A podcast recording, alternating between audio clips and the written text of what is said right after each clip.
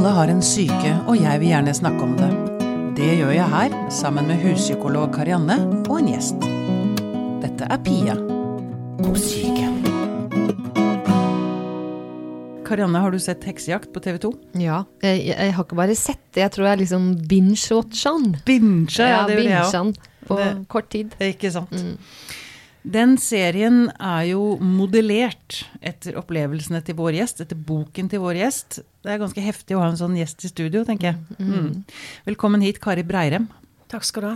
Det ble mye diskusjon blant jusstudenter rundt denne serien, som da er bygget på din bok, som handlet om hvor du fortalte om din opplevelse med Tønne-saken, eventuelt Røkke-saken, som du kaller den i boka. Og Bar gikk ut og mente at dette var ren fiksjon. Og det mente du var historieforfalskning. Ja. Kan du forklare det litt nærmere før vi går litt nærmere inn på saken? Eller vi kommer kanskje inn på saken i denne. Du eh, kommer nok inn på den saken ja, hvis jeg skal gi en forklaring. Fordi jeg fikk en faktura på en og en halv, eh, til utbetaling til Tore Tønne Konsult på 1,5 million kroner. Og det var en delutbetaling. Vi vil aldri få vite hvor stor den endelige utbetalingen ville være. akkurat. Eh, og jeg eh, fikk en forklaring på det som gjorde at jeg begynte å stusse. Og ba om de underliggende dokumentene til den fakturaen. Jeg fikk vite at denne betalingen måtte gå ø, via bar. Men det var en betaling som Tore Tønne skulle ha fra Aker RGI, som det het den gang. Når jeg da ba om de underliggende fakturaene, så har jeg ettertid skjønt at da blåste jeg i fløyten allerede da. Ja. Fordi eh, sekretæren eh, til vedkommende partner eh, fikk også litt sånn pepper for at hun spurte etter de papirene og skulle levere de til meg. Eh, det formidlet hun til meg. ikke sant? At dette var, dette var litt eh, touchy og vanskelig. Og når jeg da begynte å regne på dette, så så jeg jo at eh, det var laget et forfalsket underlag til den fakturaen for at det skulle tilsvare det beløpet denne fakturaen var på. ja, for da var det honorarene skrudd kraftig opp. Ja, det var blåst opp Til eh, 8000-9000 kroner eh, pluss MVA. Altså, Det var eks-MVA. For, for eh, mm, alminnelige advokater. 10 000 kroner for partner osv. Og, så og dette var jo helt farfetched. Selv i hvert fall den gangen. Jeg vet ikke hva det ligger på i dag, men den gangen var det det. Eh, så, så eh, jeg skjønte jo med en gang at dette var feilt. uh, og stilte spørsmål knyttet til det. Uh, og skjønte ikke hvorfor jeg ble utsatt for en del merkelige ting da. Ja. Altså Jeg ble kritisert for ting jeg vanligvis hadde fått ros for. Jeg fikk beskjed om f.eks. å leie med lokaler, og fikk, etter jeg hadde fått tilslag på det lokalet man ønsket seg, så fikk jeg beskjed om at det skulle jeg ikke gjort, for det hadde jeg gjort på egen hånd uten at jeg hadde fått beskjed. Altså Sånne helt sånne subtile, idiotiske ting. Men da skjønte ikke du at du hadde blåst i fløyta? Nei. Nei. Jeg skjønte ikke det da. Fordi det vi må huske på, det er at varsling er et nytt problem i norsk sammenheng. Varsling eh, var ikke kjent da. Det ble først kjent den 4. desember, eller brukt i Norge, den 4. desember i 20, 2002. Og det var din varslingssak? det var min varslingssak, hvor Aftenposten, og også fulgte opp Dagbladet, eh, viste til en eh, The Women of the Year, eller mm, eh, People of the Year, i New York, i, i Times, i The Times, Ja. i 2002. Og det var hun som varslet om uh, Enron, om FBI og om eh, en til som jeg ikke husker hva var, men det var i hvert fall tre sånne store saker i USA hvor det var tre kvinnelige varslere. Og så skrev de at vi har en lignende sak i Norge gjennom Kari Breirem sin varsling om, eh, om Røkke Tønne. Ja. Men bare for å gå litt tilbake. Um, det er jo spesielt at man reagerer på en administrasjonssjef som ber om mer informasjon. Ja. Det vil jeg påstå. Spesielt når det var mitt ansvar å, å skrive under den fakturaen og stå Ja. for det beløpet på et eller annet tidspunkt. Ja, ikke sant? Ikke sant? Ja. Og dette ligner jo ganske mye på heksejakt. Det er ganske likt. Det er vel helt eh, identisk? Det er helt identisk, det er identisk med heksejakt. Og Ja. mye av det som skjer videre i, i episodene som kommer, det er sånn at jeg må gå ut av rommet for jeg får klump i magen, og at jeg kjenner at tårene kommer. For jeg kjenner igjen situasjonene, alle tingene, hele veien. Du kjenner det igjen nå, allerede ja. nå også? Ja, Mm. Ja. det visste jeg jo for så vidt, fordi at eh, jeg har snakket med Siv og Anna, som har mm, vært inspirert av min bok og skrevet serien. Mm. Um, Og hvis dere, hvis dere husker Jeg gikk jo ikke til sak. Mm. Men hvis dere husker den siste, det Ida sier helt til slutt, Ja. om at mot dette sto jeg helt alene, det Mm. er direkte sitat fra min bok. Ja. Mot alt dette sto jeg helt alene. ja. Mm. Jeg har ikke tenkt å gå eh, i så nøye detalj eh, rundt selve saken her. Og det, da, det kan folk lese om i boka di, tenker sant? jeg. Ja. Som for øvrig heter På bar bakke. Veldig interessant. Nå selger jeg den også. ja, takk skal du ha. Eller de mange artiklene som ligger på nett, som kom i tiden. Du sto i dette et år omtrent. Er det Ja, riktig? sånn pluss-minus et pluss år, ja. ja. Jeg mener å huske det. Ja. At det, det var liksom den mest intense perioden. Ja, Mm. Mest intens var det kanskje de første månedene, men det de varte vart og rakk. Det jeg selvfølgelig lurer på her i Pia og psyken, er hva skjedde med din syke? Eh, i dette. Først så lurer jeg på hva er det i din syke som gjør at du valgte å varsle? Altså, for det gjør vel ikke alle? Nei, men vi må huske på Altså, jeg hadde fått veldig mye positive tilbakemeldinger fra ledelsen i BAR. Jeg hadde tre måneder før dette fått et skrytebrev hvor det var ikke måte på hvor flink jeg var som leder, og viste lederegenskaper både her og der. Eh, Så jeg var trygg i settingen. Det er på en måte Jeg tror ikke jeg tenkte på det den gangen, jeg ville tenkt på det i dag. Men så ville jeg ikke være med på noe som jeg mente var helt feil. Når jeg begynte å vurdere denne fakturaen med de beløpene, så skjønte jeg jo fort at her var det snakk om dokumentfalsk. Det var snakk om hvitvasking av penger. Ja, det var ikke bare feil, det var ulovlig. det var ulovlig. Og jeg kunne ikke være med på ulovlighet. Jeg var utdannet jurist. Jeg var ikke advokat på det tidspunktet, men jeg var utdannet jurist. Hadde lang erfaring fra departementet og, og øvrig offentlig sektor. Eh, og, og skjønte jo med en gang settingen her.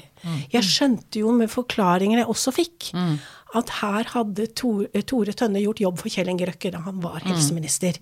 Og for meg som jobber i et departement, eller hadde jobbet i et departement, så var det helt eh, helt uh, naturlig for meg å tenke ja, han har fått kjennskap til alt dette. Ikke nødvendig å være næringsminister og få kjennskap til hvordan overtakelsen av Kverner skulle skje. Alle regjeringsnotater blir sendt til alle regjeringsmedlemmene. Jeg har jo selv skrevet mange slike notater, så det vet jeg jo alt om. Så alle disse bjellene ringte. Og så tenkte jeg dette kan jeg ikke være med på. Og jeg kan heller ikke være med på at det firmaet som jeg er en del av, og som jeg da var glad i, var med på dette. Så det var på en måte mm, grunnlaget mitt. Og så tenkte jeg også at på et eller annet tidspunkt, hvis jeg skulle skrive under dette, så ville det slå tilbake på meg hvis det skulle bli oppdaget den ulovligheten. Så, så, så det var, det var litt hele ryggmargsrefleksen min sa at dette kan jeg ikke være med på. Nei. Og så tror jeg ikke jeg tenkte lenger akkurat der og da. Nei, ikke sant. Det var, det var bare en helt, som du Ja, sier, en ja, refleks. ja. Men, Ja. men tror du at du er mer samvittighetsfull enn det andre kan være? Eller at du er, vel, at du er verdistyrt? Eller Jeg tror nok det har en oppdragelse som er sånn. Um, eh, jeg er nok veldig i tillegg også veldig samvittighetsfull. Det er som en av de partnerne jeg nå jobber sammen med som advokat, sier at eh, må du slappe av litt, da. Må ikke være så nøye på det, da, vet du. Altså, men jeg er nok Men jeg ønsker å være ryddig overfor klientene mine, jeg ønsker å være ryddig overfor motparten min, jeg ønsker ikke å spille et spill som advokat. Det ligger ikke for meg. Så jeg, jeg har nok en en etisk grunnverdi som er viktig for meg å forholde meg til, og også en, en god grad av samvittighet. Ja, Ja. ikke sant. Det er interessant, det er vel akkurat det Ida får beskjed om også i serien. Slapp av litt. Senk skuldrene litt, da. Ja. Ja, ro deg nå ned. Ja. Ja. Mm. Hvis du skulle da Jeg skjønner det er vanskelig å liksom eh, håper å si, få et fullverdig bilde av hva du følte. Men hvis vi begynner på begynnelsen, da du skjønte altså, Hvis du skulle gi noen høydepunkter, eller lavpunkter, av dine følelser Jeg regner med at det var frykt. Ja. Den var, frykten Og- kom etter hvert. Ja. Da jeg skjønte at det å flytte på møter, det å få liksom negative tilbakemeldinger, det hadde et mønster. Da Ja. kjente jeg frykten komme. Men da? flytter på møter? Ja, de flyttet for eksempel, altså jeg var naturlige møter jeg skulle være med på, Ja. så flyttet de plutselig på det møtet, og så virra jeg rundt og lette etter møtet, Ja. og det var ikke der, og så var det 'kommer du nå', ikke sant? Ja, det var det samme som skjedde med Ida. Mm, tatt, Ja. Og så, eh, så det er veldig mye, og dette beskriver jeg i boka. Mm. Eh, og, så, og så var det sånne ting som eh, Og jeg husker spesielt en episode hvor jeg hadde, eh, hadde et møte med managing partner. Uh, inn på hans kontor. Det var helt naturlige ting vi diskuterte. Det vil si han ville diskutere min rolle. Og jeg skjønte hvorfor skal du diskutere min rolle? Dette har vi jo altså, Hva er det med den, liksom? Mm. Uh, og da jeg fikk beskjed om å legge ned blyanten, jeg fikk ikke lov å notere, Oi. da kjente jeg frykten. Mm. Da var det første gang jeg kjente frykt. Her er det noe som ikke stemmer. Fordi? Fordi jeg ikke fikk notere ned ting. På, hva var de redd for da? At du skulle ja, Nei, altså det var en samtale hvor jeg ble kritisert av han. ikke ja. sant? Og da er det naturlig at du skriver ned de punktene du ja, blir kritikk ja, for. Absolutt. Sånn at du kan eventuelt forbedre deg hvis det var mm. noen grunn i de, eh, de, de, punktene. Men det fikk jeg ikke lov å, å, skrive ned. Det var akkurat som han var redd for at jeg da skulle kunne bruke det i neste omgang ved å si på møtet da og da, så sa da og da og da og da. Mm. Nå er det bare det at jeg har en innmari god husk, mm. så jeg gikk inn og skrev det ned med en gang jeg kom inn på kontoret mitt. Ja, ja, nettopp. Mm. Ok. Men da kjente jeg frykten, altså. Da, ja. Da, ja. ja. Mm. Etter hvert da som denne saken utviklet seg og ble større og større og større mm. um, Jeg vet at uh, du også fikk varsel fra Økokrim om at du burde holdt på å si se deg over skulderen, at du, du, var i fare? Fysisk fare? Ja, altså det var slik at uh, Altså, dette med Økokrim kom jo helt overraskende på meg. Mm. Jeg visste jo ikke at Økokrim var inne i bildet. Fordi mm. jeg varslet til styreleder, mm. og, sa, og, han sa faktisk at sånn kan vi ikke ha det. Mm. Men så skjedde det et eller annet mikmak i løpet av et døgn som gjorde at uh, det møtet jeg Vi skulle, var enige om vi ikke skulle skrive referat fra det møtet. Referatet ble skrevet likevel, men det møtet hadde ikke jeg vært med på. For det var et helt annet møte han hadde diskutert med meg. Mm. Altså.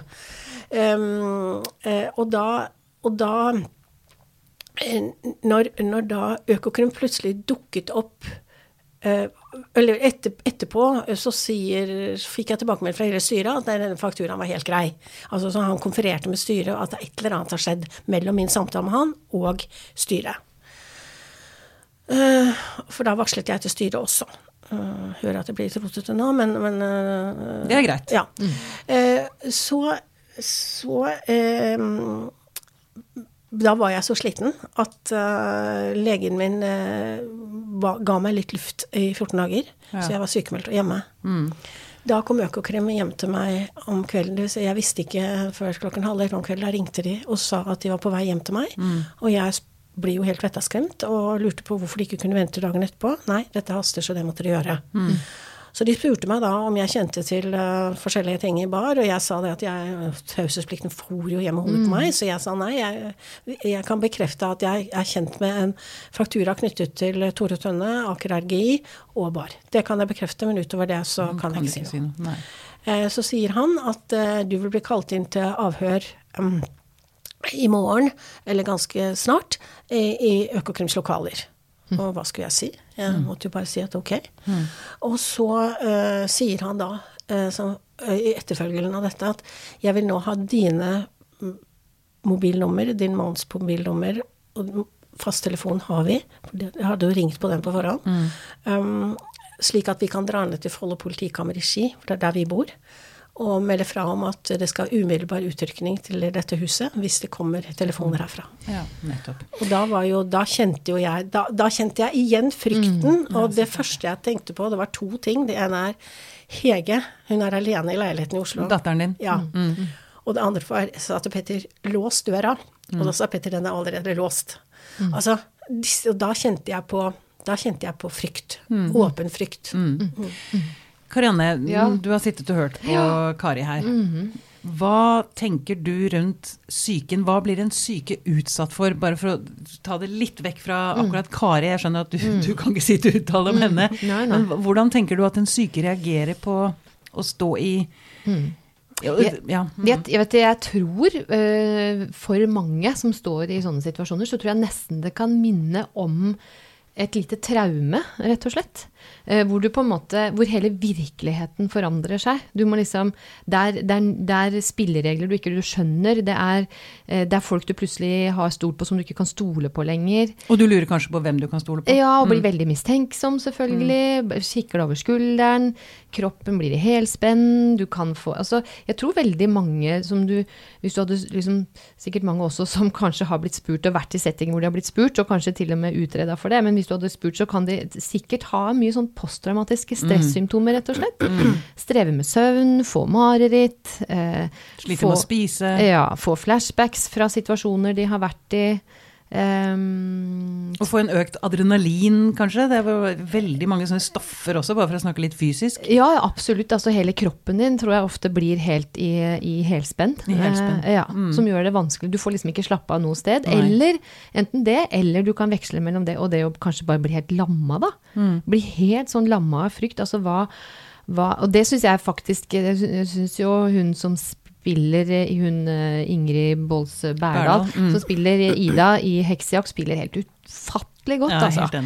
Fordi hun, hun, spiller så det, veldig både de her litt den derre eh, såre, litt sånn uforklarlige til å begynne med, helt fram til det derre store sammenbruddet, da. Hvor mm. du bare forstår at verden raser helt fullstendig sammen. Ja, ja. Kjenner du deg igjen i Kariannes beskrivelse av hva som skjedde inni deg, Kari? Ja, jeg gjør nok, uh, gjør nok det, men uh, jeg, så, jeg, tror nok ikke jeg hadde sett meg over skulderen hvis ikke jeg hadde fått uh, mm. den, den, meldingen fra, fra Økokrim. Mm. Så tror jeg ikke jeg hadde sett meg over skulderen. og så er det, er det ting som var så fysisk hos oss. Våre telefonledninger og dataledninger ble kuttet over, de ble anmeldt til politiet, det ble sagt at dette er et hærverk, men vi finner ikke gjerningsmannen. Mm. Så det var liksom også Du hadde helt den, de, de, de, hadde altså ekte basic, tegn. Ja, ikke sant. Mm. Eh, det som eh, Så jeg kjenner meg igjen i mye av det du, mm. du sier, den derre mm. forvirretheten mm. også, og dette eh, Men jeg, jeg men når du, Nå skal ikke jeg psykologisere, men jeg tror det er sånn at eh, hvis du har noen som kan lytte til deg, tro på deg, kjenner deg godt, mm. og du får utløp for frustrasjonene til den personen du virkelig stoler på, mm. som du også nevner er viktig å ha person, noen å stole på, mm. så så tror jeg du klarer å komme lettere igjennom det. Men nå har jo jeg jobbet i mange år med varslersaker og møtt mange personer sånn som du beskriver dem. Mm. Og det er slik at få har de personene rundt seg mm. som kan være den støttepersonen jeg hadde det mm. eh, i min mann. Selv om han i serien fremstilles som noe helt annet, ja. så, var, så, var, han der hele tiden. Men, men eh, Så jeg eh, Det var nok årsaken til at jeg endret fokus. Mm. For det som skjedde med meg, det var at jeg satt i sofaen, pledd over hodet og følte meg helt mm. jævlig. Mm. Mm. Jeg orka ikke Altså, Eva Jolie sa Jeg, jeg, jeg traff henne, ble loset inn Eva Jolie, altså. Mm. Ja, mm. vi ble loset inn bakveien til Økokrim, sånn at hun skulle gi meg en råd. Mm. Og da sa hun følgende Uansett hvor nedkjørt du er, stell deg alltid om morgenen, vær igjen på håret, smil deg, bla, bla, bla, bla. bla. Eh, og det gjorde jeg. Eh, men uansett hvor nedstøvet jeg var, så satt jeg altså under et pledd i sofaen, helt frustrert og syntes verden var helt forferdelig. Mm.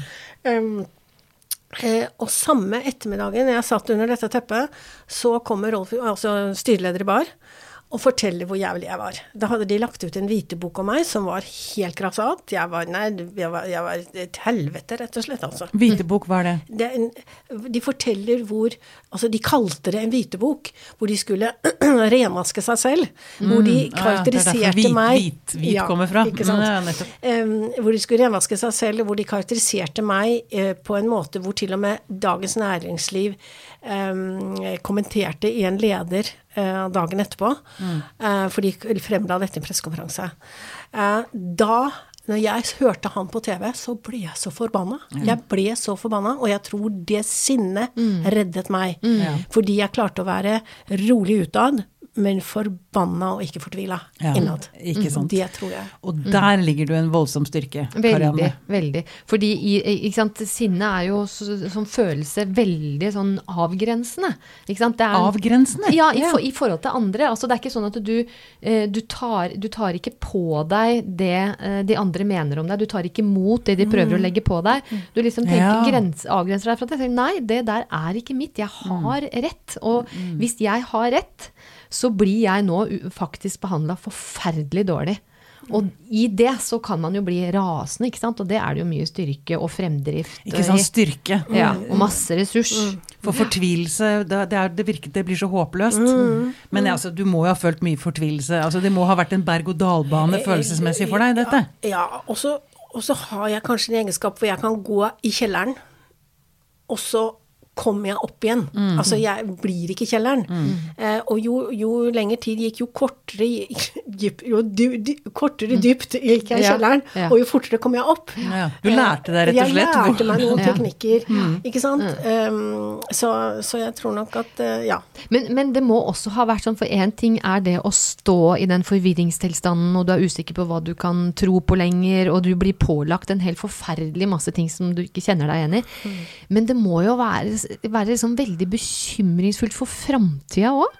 Altså, for jeg tenker sånn, hvis jeg hadde jeg tror Noe av det jeg tror hadde blitt veldig redd for, er og dette blir jo så offentlig òg. Altså, altså, får jeg jobb igjen? Får jeg mm. eh, eh, Vil noen tro på meg? Mm. Eh, altså ja. Kom det?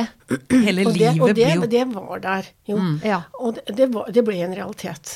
Det ble en realitet? Ja, fordi at jeg søkte mange jobber. Og jeg, så, jeg fikk jo ikke Altså, jeg ble jo innkalt til intervju hver eneste jobb. Jeg var jo kvalifisert til disse jobbene. Ja, ja. Men det var bare at de var mest interessert i å høre høre historien. Ja. Dette var jo før min bok, ikke sant. De Hun var mest interessert i å høre historien. Ja. Og, og, det, og det, Fordi det var godt kjent i miljøet? Ja, ja det var mm. godt Det var jo ikke bare kjent i miljøet, men Nei. det var kjent eh, I avisen, i, overalt. Sånn at mm. uh, arbeidsgivere kunne jo bare google mitt navn selv den gangen og finne ut hva, mm. hva jeg sto for.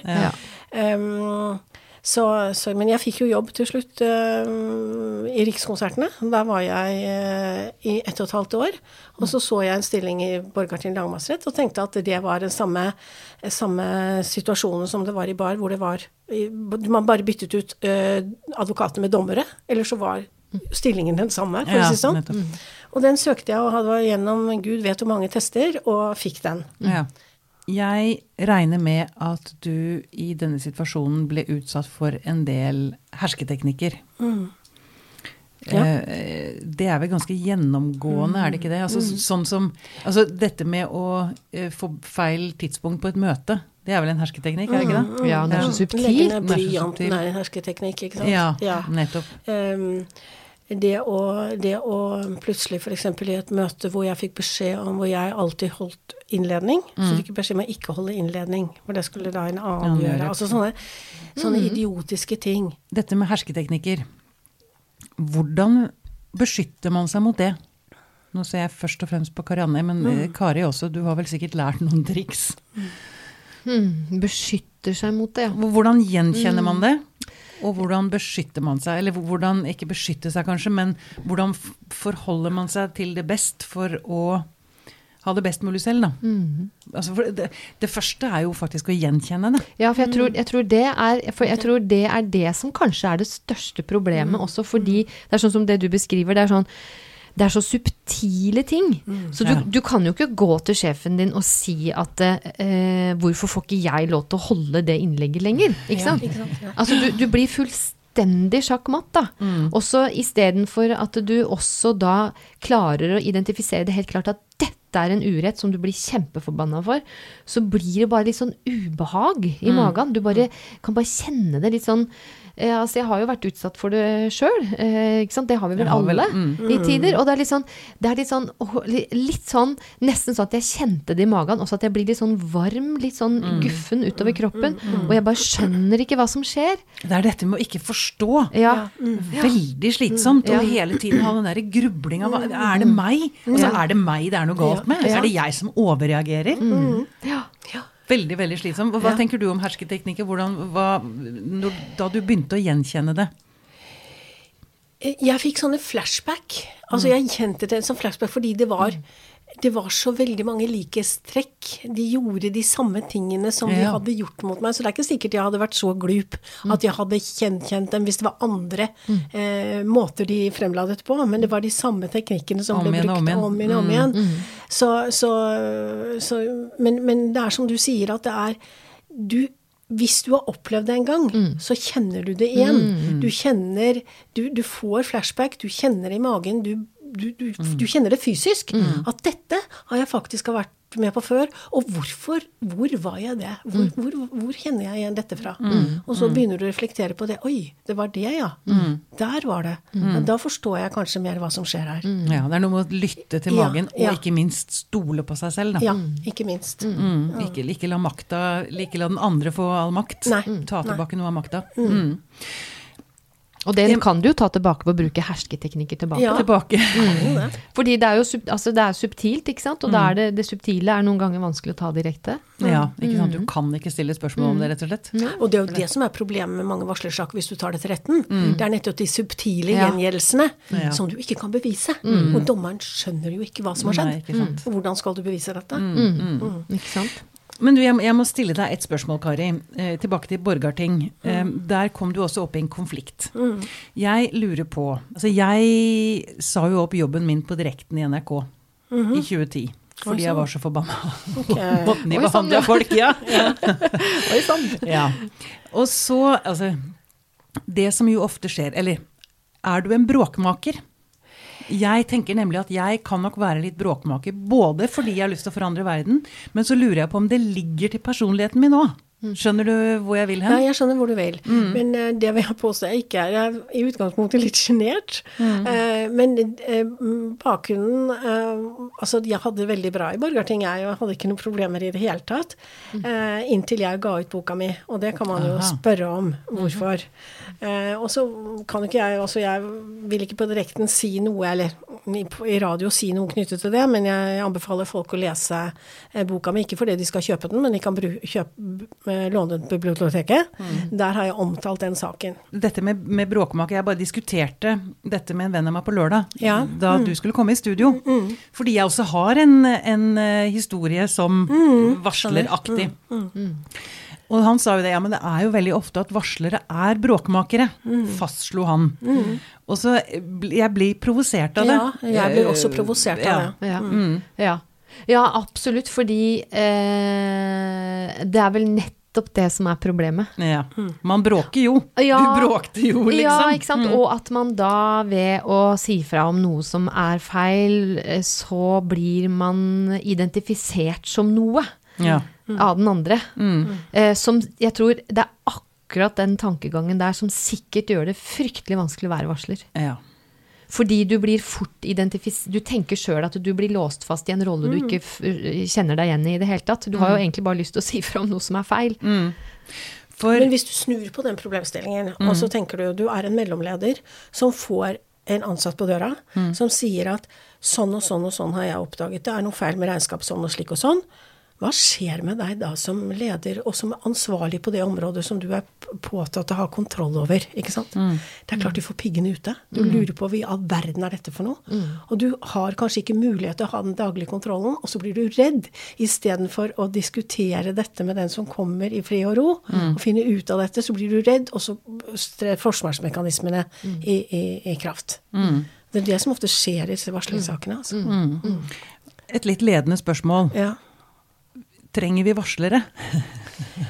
Jeg tror at sånn som det har utviklet seg i, i kongeriket Norge nå, mm, spesielt i offentlig sektor med New Public Management, eh, sånn som den blir eh, nå styrt gjennom eh, ledelsessystemer, mm, ledelsessystemer, så tror jeg det er absolutt nødvendig. Det er den ytterste grense på demokratiet. Hvis, ikke det blir, eh, hvis ikke folk lenger tør å si fra. Og det er, det, det er jo enkelte land eh, som nå har sett dette. Nederland f.eks. har laget et eget varslerhus. Ja. Eh, dette tok jeg til orde for i 2005, fordi jeg syns Jeg fikk så mange henvendelser av folk som var i samme situasjon som meg. Og spurte har vi noe sted å gå, er det noe sted å henvende seg. Det er ikke alle som har råd til advokat. Det koster tross alt noen tusen, tusener bare, bare å ha en eh, møte på Bare for en time. Ja, ikke sant? Så, så, så, sånn, sånn er det bare. Um, så, så jeg tror det man trenger varslere. Ja. Og du mener at vernet for varslere i Norge er vesentlig dårligere enn bl.a. USA? Ja, jeg, jeg mener i hvert fall at eh, om det er så mye bedre altså jeg, jeg tror vi skal være klar over én ting, at jo høyere, jo mer alvorlig man, forhold man varsler om, jo høyere opp i systemet man varsler, eh, og vedkommende som du varsler mot sitter, jo verre blir det for varsleren. Ja. Ja. Sånn at hvis du varsler om helt bagatellmessige ting som ikke har så betydning for makt, Mm. så, så er det ikke så farlig. Men der du pirrer i makten, der er det farlig. Ja, Og for der er fallet større. Ja, og du ser jo også i USA, ikke sant. Der du pirrer i makten i USA, Mm. så er det farlig der òg. Eh, men, men det som USA er god på, det er at når det gjelder økonomisk kriminalitet og, og, og korrupsjon og sånt noe, så er de mye klarere. De, har en egen, de fikk eh, vedtatt en egen lov etter de avdekkingene som kom med Endron og World, eh, WorldCom og FBI. Så fikk de vedtatt en egen lov, som jeg ikke husker navnet på nå, men eh, som, som eh, gjør at de er ute etter innholdet i varselet. De spør aldri om hva er varslerens motiv. Det spør vi om i Norge. Ja. Men du, tror du at noe av grunnen til det er sånn, er fordi at eh, Det er sikkert mange grunner, da, men jeg blir litt nysgjerrig på det her at For jeg hører jo du er veldig tydelig på å kalle det Røkke-Tønne-saken. Men Tønne-saken som den jo som regel ofte bare blir mm. beskrevet som, eksisterer veldig i vår bevissthet som Eh, som en personlig tragedie, ikke sant? Og, at, eh, og kanskje også litt at mediene eh, liksom nærmest med sitt sånn flokkhysteri ledet til dette, som har gjort at det, kanskje man også blir veldig forsiktig med å skrive noe om det, fordi at man er så bekymret for at man fort kan få en ny tønnesak, eller? Det er jo sånn at de fleste som kommer ut i negative situasjoner nå, viser til Tønne-saken. Ja, Jeg har analysert Tønne-saken i, på bar, i Ikke Tønne-saken, men eh, avisenes uh, omtale av, uh, av eh, Tønne-saken i, den- i boken På bar bakke. Og jeg konkluderer med at det, jeg tror det var kun Adresseavisen som var, eh, var spesiell, fordi de avbildet Tore Tønne i en tønne. Altså helt naken. Eh, De andre avisene de var innafor, men det som var problemstillingen, det var at Jens Ultvedt Moe eh, gikk ut og sa Han var da leder i NNO, NHO. Han gikk ut og sa at eh, eh, media drepte Tore Tønne. Ja. Og så kom da et granskingsutvalg, og så satt da uh, Ulf-Jent Utfeldt Moe eh, Jeg husker ikke nå hvem som da var leder av Presseforbundet, jeg tror det var Kokkvold, og, og eh, statsminister, eks-statsminister Bondevik. Og, og, og satt kronen på verket ved å si at Josef var sånn etter at granskingsutvalget hadde gjennomgått saken. Så det var de som etablerte denne myten her, og som, eh, som eh, tidligere eh, redaktør i DN, eh, han eh, Valebrokk. Valebrokk skrev eh, at eh, Tore Tønne tålte å leve med avisutklippene, men han tålte ikke å, å leve med tiltalen. Men du fikk vel også indirekte eller direkte jeg å si, anklager for å være skyld i hans selvmord? Eller? Ja, de forsøkte seg jo på det. Mm. Men, eh, men altså, jeg det, det er to øyeblikk, hvis jeg kan komme inn på det, som har vært spesielt selvsettende for meg Mm. i denne saken. Eh, Det er, det er mange, men det er spesielt to som jeg husker veldig godt. Mm. Det ene var når Økokrim ringte meg klokka fem over åtte 4. desember og sa at eh, nå springer saken i pressen. Mm. Da vi har en, hadde en soveromsgang som var ja, litt, litt sånn beige omtrent. Den var helt beiksvart når jeg reiste meg fra sengen og gikk ut i stuedelen av huset. Ja. Den var helt svart. Du endra rett og slett fargesyn? Ja, den endret rett og slett farge. Og jeg tenkte med meg selv at jeg må flytte fra dette landet. Her har jeg ingenting mer å gjøre. For jeg visste hva som lå der, ikke sant. Den andre gangen, det var, det var da begravelsen til Tore Tønne fant sted i Drammen. Med statsminister Stoltenberg og statsminister Bondevik og Kjell Inge Røkke i fremste rekke ved siden av hverandre. Da tenkte jeg samme tanker. Og det var også en veldig vanskelig situasjon for meg. Samtidig så tenkte jeg at jeg kan ikke ha noe med dette å gjøre. Tore Tønne får selv ta ansvar for sitt uh, dødsfall. Men, ha, men hadde du For det sitter jeg og lurer på øh, under løpet med mange varslere. Hvis du hadde visst hva som hadde kommet, hadde du fortsatt varsla? Nå er det jo sånn at eh, vi dessverre ikke kan se inn i krystallkula, noen av oss. Men eh, jeg Det jeg Var det verdt det? Det har jeg også Ja, var det verdt det? Ja, altså Jeg syns liksom det er litt idiotisk spørsmål å stille i ettertid, jeg. For å være helt ærlig. Fordi, det er klart, Ale. Ja, ikke sant? Fordi, fordi du, du, du, har ikke alle de pro et kontra-situasjonene du kunne ja, altså Jeg skrev en pro et kontra-liste opp av stolper og ned av vegger, jeg, før jeg, jeg I ettertid, som, som jeg sa innledningsvis, så blåste jeg nok i fløyten allerede når jeg ba om de underliggende dokumenter, mm. men det skjønte jeg jo ikke da. Nei. Men etter det, før jeg gikk til styreleder, så satt jeg og skrev pro og kontraliste opp og ned stolper og ned av vegger og Skal du forfølge skal, det, liksom? Mm. Altså, frem og tilbake. Mm. Og konkluderte med det. Og det, ut fra det jeg visste den gangen, mm.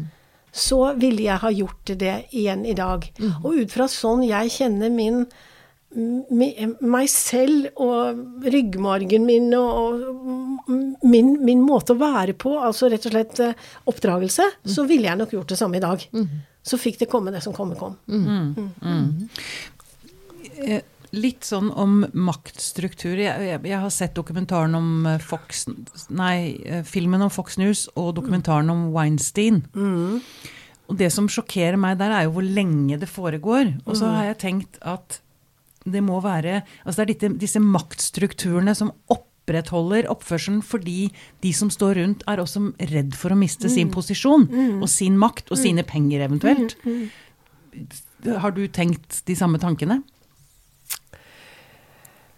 Eh, nå tok jeg helt Jeg tok hva du mente. Nei. Dette med opprettholdelse av maktstrukturer. At det, ja. at det, er derfor det får lov til å fortsette. Ja, det, ja jo. Ja. ja. Nei, ja, det tror jeg også. Jeg tror at uh, de At folk, de fleste, tør ikke å si fra om ting når de mm. ser hvilken makt de eventuelt da berører når de sier fra. Mm. Og det sier jo noe om altså, metoo-sakene, hvor det har mm. pågått i mange år. Altså, eh, folk har registrert og ristet på hodet osv., men ingen har sagt noe. Og i de fleste varslersaker så er det jo også sånn at det er én som står fram. Og så skygger de andre litt banen, mm. fordi de, de, må først finne ut at eh, Kan vi være med på dette, eller mm. vil dette gå utover oss på noen måte? De blir redde. Mm. De blir redde, og hvis mm. de da ser at løpet går i én retning, så tenker de nei, vi trekker oss mm. helt ut. Mm. Går det derimot i en annen retning, som f.eks. metoo gjorde i USA, mm. så tør så. også flere å melde seg på. Mm. Og det samme gjaldt jo også med, med Giske-saken ja. her i Norge. ikke sant? Mm. mm. Så, så jeg, jeg, tror det er liksom Man føler litt hva man tør, og hvordan saken utvikler seg, før man, før man tar skrittet og er med på løpet. Mm. Mm. Med fare for at jeg, at, nok gang, at jeg nok en gang får beskjed om at det er et dumt spørsmål, men er det noe du ville gjort annerledes? Nei, jeg tror ikke det med det jeg visste den gangen. Men med det jeg vet nå, så tror jeg nok at eh, eh jeg hadde Nei, jeg, jeg, tror jeg ville gjort det samme, men jeg kanskje ville gjort det litt mer på en annen måte ved at jeg eh, hadde Nå hadde jo jeg bare undersøkt med en advokat hva jeg eventuelt kunne risikere, men jeg mm. hadde kanskje spurt han hva jeg burde hvilke trinn jeg burde ta, og når jeg burde gjøre hva, og osv. osv. Men jeg var jo såpass klok, for å si det det i hermetegn, at jeg sørget for dokumentasjon. Ja, for det er et godt tips. Ja. Grunnen til at jeg spør om det, det er også fordi jeg har lyst til å avrundingsvis snakke om hvilke råd du ville gi til andre varslere. Mm. Og det er jo et veldig godt råd. Ja. Ta notater. Dater ja, dem. Ja, det jeg mm. alltid gjør til, til, Altså det gjelder også generelle arbeidsrettssaker og andre konfliktsituasjoner man er i. Mm. Ta notater. Skriv ned med snille filleting. Dato, klokkeslett, hvem som sa hva. Mm. Eh, og sørg for å ta vare på det. Um, eh, det er også sånn at eh, jeg mener at de må snakke med noen om de har noen fortrolig rundt seg å, å snakke med. Sånn at de har en samtalepartner uh, som de kan, kan uh, få litt råd og, og bistand fra. Mm. De må, før de går ut og varsler, så må de vurdere litt sin egen økonomi. Hvis ja. det skulle gå skeis, kan jeg da stå i dette? Mm. Har familien økonomi til å kunne stå i dette, eller må jeg holde kjeft, uh, finne meg en annen jobb og leve med det? Mm. Ikke sant? Mm. Um, og jeg ville også uh, undersøkt litt sånn nettverk. Hvilke nettverk har jeg som kan støtte meg uh, hvis det skulle bli, bli vanskelig? Mm. Så rett og slett analysere sin egen situasjon. Uh, og se om Og ikke minst, først og fremst, eh, finne ut hva er ytringsklimaet i denne virksomheten. Er det så trygt at her kan vi si fra om det som også er kritikkverdig, og som kan på en eller annen måte gå utover virksomheten og eventuelt kollegaer. Ja, men hvis, altså, hvis klimaet ikke er trygt, da, ja. men man oppdager alvorlig korrupsjon mm. eller eh, ja, lign, altså ja, altså, virkelig ille ting. Ja, så altså, Du har jo et annet tips. Du kan gå til media. Mm. Men så er det jo sånn at media er jo kresne, de òg, da. Mm. Det er jo ikke alle ting media tar. Det vet mm. vel du også. Mm, mm. Så, så, så, det er en vei å gå. Da vil jo du kunne være anonym. Men problemstillingen er jo ofte at de du varsler mot, vil jo lett avdekke hvem det er som kan ha varslet media også. Mm. Ikke sant? Så det der er et, det er et uh, veldig dilemma. Mm. Mm. Mm. Men du, når går det fra en sånn vanlig bekymringsmelding til en varsling? Det har vært uh, Altså, bekymringsmelding er jo mer at uh, altså, Man har vedtatt på en eller annen måte nå at bekymringsmelding og varsling er det samme. Okay. For, for, det er Begge to varsler jo om kritikkverdige forhold. Mm. Men bekymringsmelding, f.eks. i helselovgivningen, ble satt inn på et langt tidligere tidspunkt enn varsling, var mm. Altså, helsepersonell har i mange år hatt en mulighet til å sende bekymring til tilsynsmyndighetene, også Fylkesmannen, mm. eh, f.eks. i fylket, altså fylkeslegen. Um, det, det, det, har vært Og da har det hett bekymringsmelding. Mm -hmm. Men uh, i utgangspunktet så er dette også et varsel. Mm. Ja. Skjønner. Du, jeg leste Eller dere, jeg leste at Politiets Fellesforbund, styret der, mm ikke vil anbefale sine medlemmer å varsle. Mm. Og at det kanskje også omfatter helsearbeidere. Mm. Er ikke det veldig farlig? Altså, dette er jo to av de viktigste instansene vi har. Mm. Hva tenker dere om, eh, om det? Altså jeg, den, den, det var Robin Schäfer Ja, det var jo eh, Robin Schäfer-saken mm, som mm, utløste mm. at uh, det var bare Vest politidistrikt da, som gikk ut i første omgang med, med sin tilsvalgte og sa at dette kunne de, dette de måtte, måtte de frarå, og så fulgte Fellesforbundet sentralt opp på det. Mm. Uh, og det er svært foruroligende at, uh, at de som skal beskytte oss, ikke kan varsle om, eh, om kritikkverdige forhold internt i virksomheten. Mm. Um, og de, de, jobbet jo veldig for å få et, eh, et varslingsen... Altså et, et varslerhus i, i, i Unio i forbindelse med den NOU-en om varsling mm. som ble utgitt i 2018. Um, hvor de fikk faktisk gjennomslag, uh, vi som sto for dette, i et såkalt varslerombud. Mm. Eh, der varslere kunne få litt råd og hjelp. Men den eh, ble jo nedstemt i regjeringen. Det mm. kom jo ikke gjennom. Så mm. regjeringen er jo ikke villig til annet enn å pluss, um, fikse litt på den eksisterende loven, da. Ja, ja. Så, så, jeg syns det er urovekkende at uh, eh, både politi og helsemyndigheter, eh, altså Politiets Fellesforbund og likeledes organisasjoner, faktisk, eller i hvert fall helsearbeidere, går ut og sier at eh, vi tør ikke varsle, eller vi kan ikke varsle. Argumentet for det er Eh, det husker jeg ikke. Fordi det, eh, sitter, for jeg, det, det, har jeg ikke. Nei, jeg, tror, jeg tror det var på grunn, på grunn av hvordan sjefen ble, ble behandla. Ja. Ja. Ja. Det var bare så at Fellesforbundet gikk ut i forhold til hvordan sjefer eh, ja, det er ble behandla. For å beskytte mm. den som er varsler. Ja, men, ja. men hva skal man da gjøre? Hva, da, da, må man jo hoste opp et alternativ. Det er fint det, at man skal ivareta den som varsler, men hva skal man da gjøre når man ser kritikkverdige forhold? Ja, det var da de mente, og som eh, jeg har hatt masse samtaler med Fellesforbundet, uh, mente også at uh, vi burde finne, ha et sted å gå. Mm. Uh, og de hadde Fellesforbundet er jo en del del av Unio, Politiets mm. Fellesforbund. Så de hadde jo sin representant i dette varslingsutvalget som, eh, som opposisjonen i Stortinget um, forlangte nedsatt, og som regjeringen uh, nedsatte i november i 20, 2017, mm. og som, nei, 2016, og som avga sin innstilling i april 2018. Mm. Hvor bl.a. varslingsombud, altså et sted å gå, mm. kunne bidra til at mm. Fellesforbundet og andre kunne si at jo, nå er det trygt å varsle. Nå ja. kan du gjøre det. For da kunne man gått dit, og så tok ja. de varslingssaken videre? Ja. ja kunne, altså mm. I Nederland så har man noe som heter House of Whistleblower Act. Mm. Det var nemlig slik at i Nederland så var det en god del varsling på et tidspunkt. Uh, og arbeidsgiver og organisasjon og arbeidstakerorganisasjonen gikk sammen og sa sånn kan vi ikke ha det. Vi må mm. finne en løsning på dette problemet. Mm. De så jo at folk ble utsatt for en del ting de ikke burde blitt utsatt for. Mm. Så de, det ble nedsatt et prøveprosjekt, eh, uavhengig eh, av Det var underlagt departement, men uavhengig enhet. Og etter ett år, i sin første årsmelding, så ga de beskjed begge parter i arbeidslivet om at dette måtte bli en permanent ordning. Mm. Så gikk det fire år, det var fremdeles i virksomhet. Og da uh, ble dette permanent uh, i Nederland, som nå heter uh, Whistleblowing Act.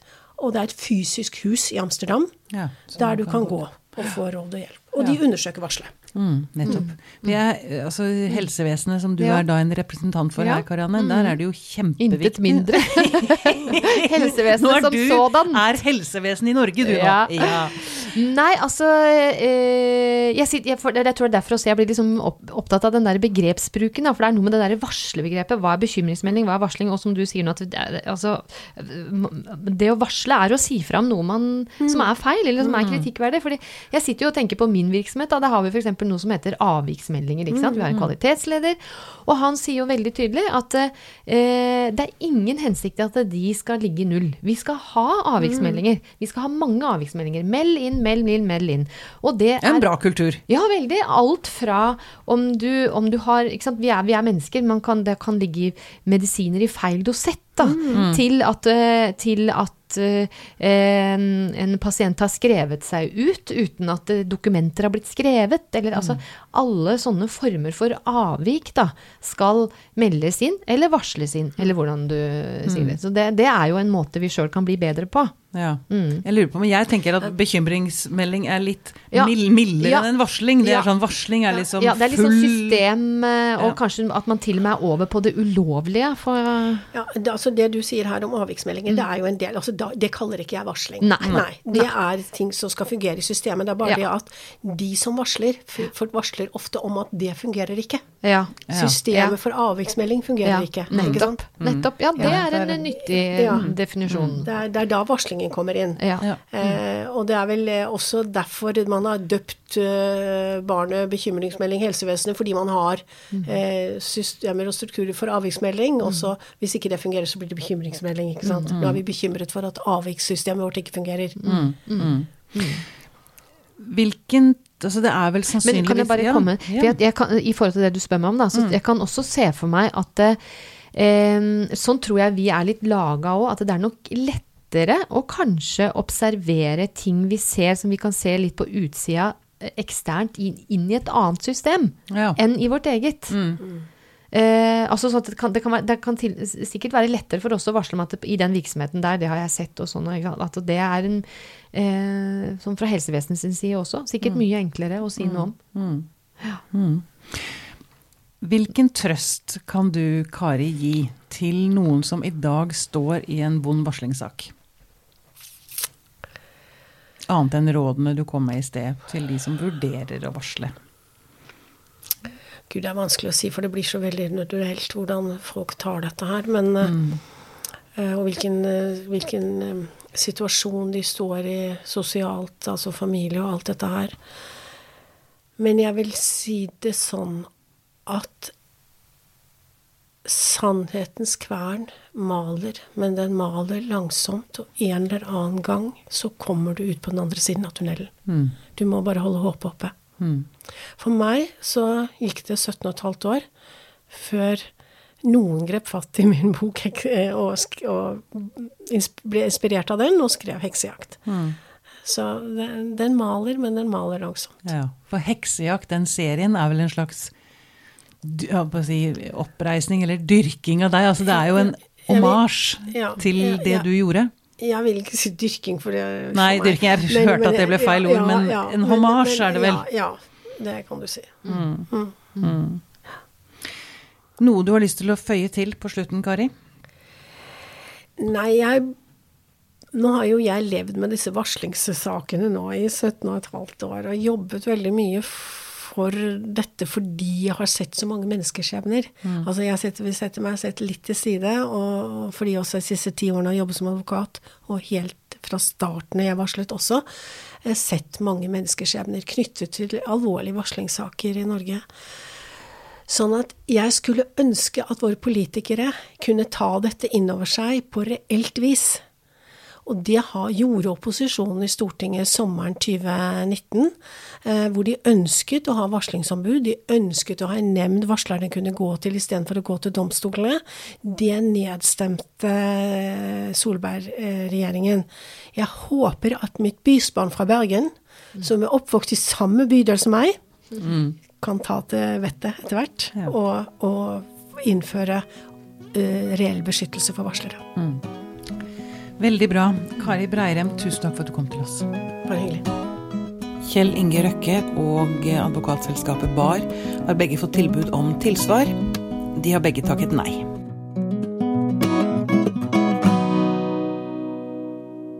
Denne podkasten er produsert av Tid og Lyst. Med støtte fra stiftelsen Kåre Berg.